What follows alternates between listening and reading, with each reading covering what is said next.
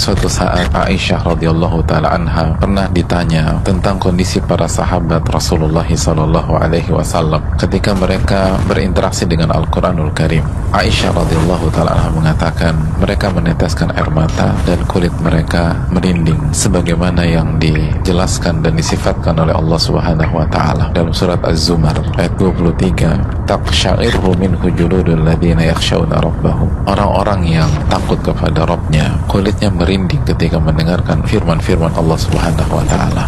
Dengan taufik dari Allah kita baca Quran malam hari ini, kemarin dan insya Allah besok. Tapi pertanyaannya, sudahkah bacaan itu menyentuh hati kita? Sudahkah kulit ini merinding ketika membaca ayat-ayat tersebut? Atau mendengar ayat-ayat tersebut ketika kia mulai? Sudahkah mata ini berkaca-kaca? Sudahkah air mata ini menetes? Dan sudahkah kita merasa bahwa imam itu bicara dengan kita? Kalau Al-Quran tidak bisa menyentuh lubuk hati kita tidak bisa membuat kulit kita merinding di 10 malam hari ini. Lalu kapan lagi kita mendapatkan momentum sebaik ini